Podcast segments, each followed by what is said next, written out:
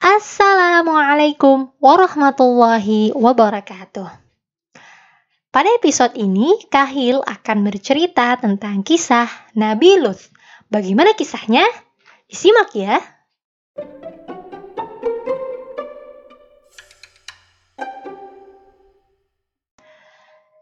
Nabi Ibrahim mempunyai keponakan bersama Lut. Dia adalah putra saudara Nabi Ibrahim, Haran. Ketika Nabi Ibrahim meninggalkan kaumnya dan hijrah ke negeri Syam, Lut ikut serta bersama Nabi Ibrahim. Dalam perjalanan selanjutnya, Nabi Ibrahim meminta Lut untuk menetap di kota Sodom. Penduduk di sana akhlaknya sangat buruk. Mereka suka mabuk dan banyak yang menjadi penyamun, merampok harta orang di jalan. Orang pun jadi enggan lewat sana. Kaum laki-laki kota Sodom menyukai sesama laki-laki. Tak ada yang mau menikah dengan perempuan.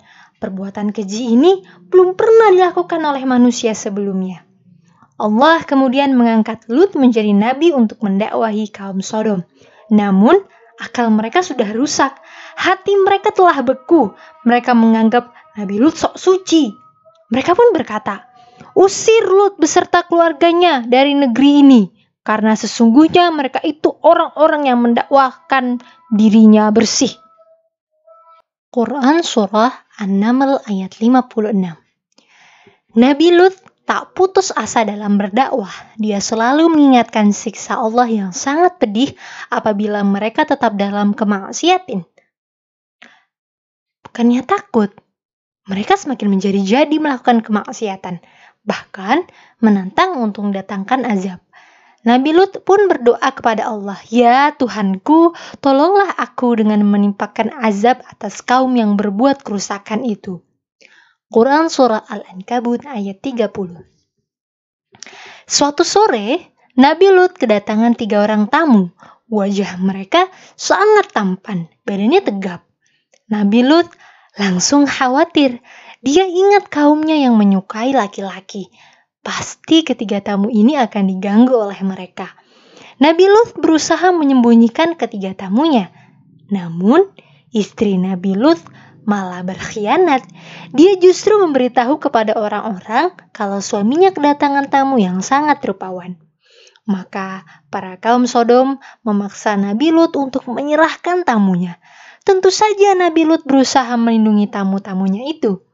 Nabi Lut menasihati agar mereka tidak berbuat seperti itu dari balik pintu yang terkunci.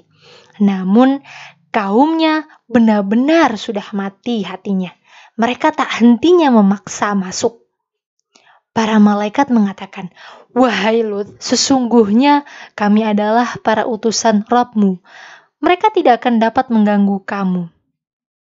Kemudian, malaikat Jibril memukul wajah mereka satu persatu dengan satu kepakan sayapnya, sehingga mereka terlempar sangat jauh dan matanya menjadi buta. Pada saat Nabi Lut kebingungan, tamu itu pun memberitahu bahwa mereka adalah malaikat utusan Allah yang akan menghancurkan kaum Sodom. Mereka berkata, Pergilah dengan membawa keluargamu pada akhir malam. Jangan ada seorang pun yang menoleh ke belakang, kecuali istrimu. Sesungguhnya dia akan ditimpa azab seperti yang menimpa kaummu. Sungguh, azab itu di waktu subuh. Bukankah subuh itu sudah dekat? Quran Surah Hud ayat 81 Setelah Nabi Lut dan anak-anaknya pergi keluar dari negeri Sodom dan matahari terbit, saat itulah putusan Allah kepada kaum Sodom tidak dapat dielakkan lagi. Azab dari Allah pun tiba. Kota Sodom diangkat ke atas hingga berada di antara langit dan bumi. Sampai terdengar suara burung di udara.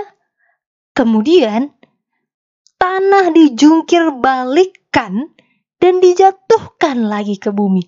Bush! Bersama itu dikirim batu-batu dari tanah yang terbakar yang turun bertubi-tubi. Batu-batu itu sudah diberi tanda oleh Allah berupa tulisan nama orang yang dituju untuk dihantam menggunakan batu itu.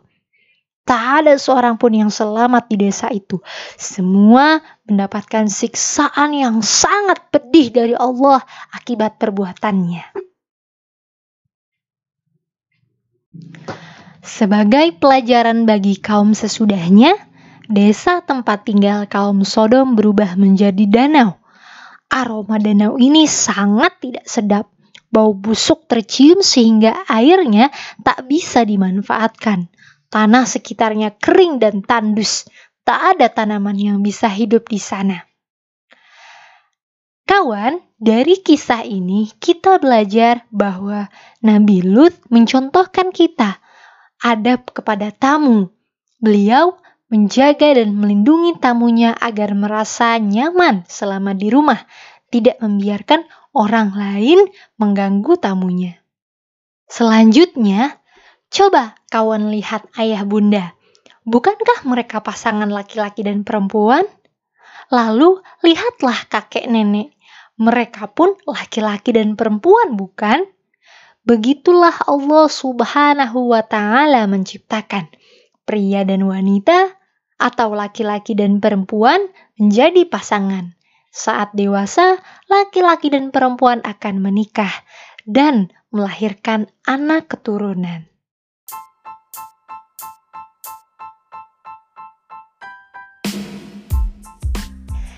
Demikian kisah Nabi Lut alaihi salam. Semoga kita dapat mengambil pelajarannya. Terima kasih sudah mendengarkan Kahel bercerita. Assalamualaikum warahmatullahi wabarakatuh.